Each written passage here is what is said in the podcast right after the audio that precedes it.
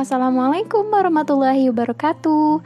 Bersama Ainun di sini di Suku Mendengar Podcast. Podcast berbagi kisah, perihal kata, kita dan cerita. Kali ini gue mau bahas mengenai kisah inspiratif B.J. Habibie.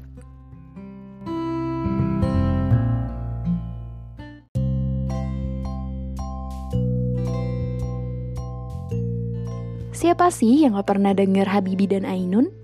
Sepasang kekasih yang sampai akhir hayatnya masih setia dan terus saling mencinta. Baharudin Yusuf Habibi atau dikenal sebagai BJ Habibi. Di samping kisah cintanya yang sangat menginspirasi banyak orang, semangat hidupnya juga telah membuat banyak orang terkagum-kagum padanya. Dikutip dari sebuah artikel, berikut adalah lima pelajaran hidup dari BJ Habibi. Yang pertama, memanfaatkan waktunya hanya untuk belajar, bekerja, dan beribadah. Selama berkuliah di Aachen, Jerman, Habibie dikenal sebagai pribadi yang mengabdikan hidupnya untuk belajar. Baginya, belajar sungguh-sungguh akan menjadi kunci diri agar bisa membalas jerih payah ibunya yang telah membanting tulang untuk menyekolahkan. Meskipun sibuk dengan studi, hal itu tidak membuat Habibie melupakan kewajibannya untuk beribadah. Hal ini sudah ditanamkan sejak kecil oleh ayahnya. Katanya, di saat ia sedang sedih dan gelisah, ayahnya sering membacakan ayat suci Al-Quran untuk menenangkannya. Kedua, hanya tidur 4 jam dalam sehari. Katanya, salah satu hal yang membuat cerdas adalah minimnya waktu yang ia butuhkan untuk tidur.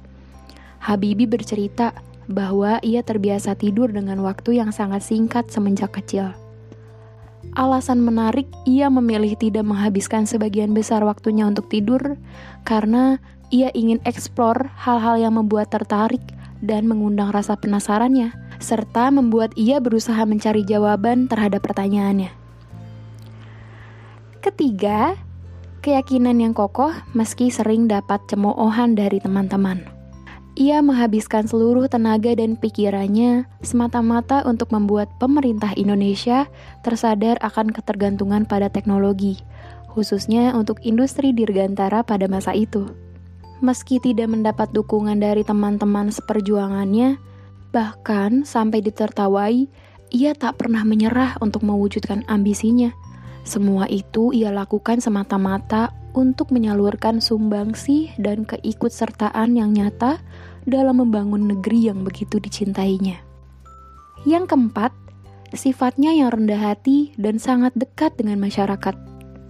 Selama berkuliah di Jerman, ia aktif berorganisasi serta ramah dengan semua orang.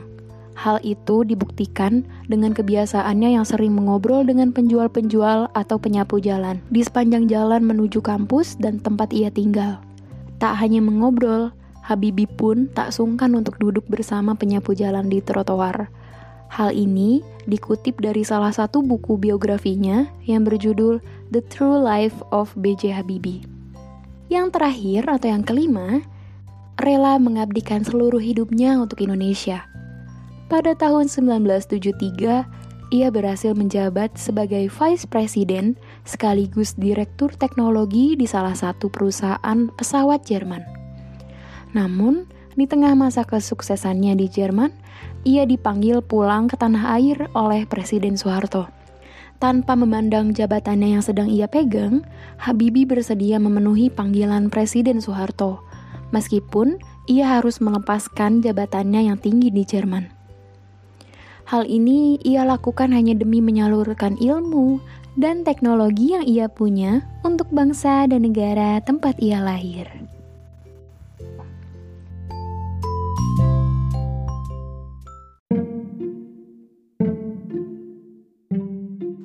Itulah kisah inspiratif dari B.J. Habibie yang bisa kita teladani dan aplikasikan di hidup kita. Terima kasih yang sudah dengar podcast ini. Semoga bisa bermanfaat untuk kalian semua. Semangat juga ya puasanya. Jangan lupa dengerin podcast gue yang selanjutnya. Karena mendengar adalah seni memahami sesama. Wassalamualaikum warahmatullahi wabarakatuh.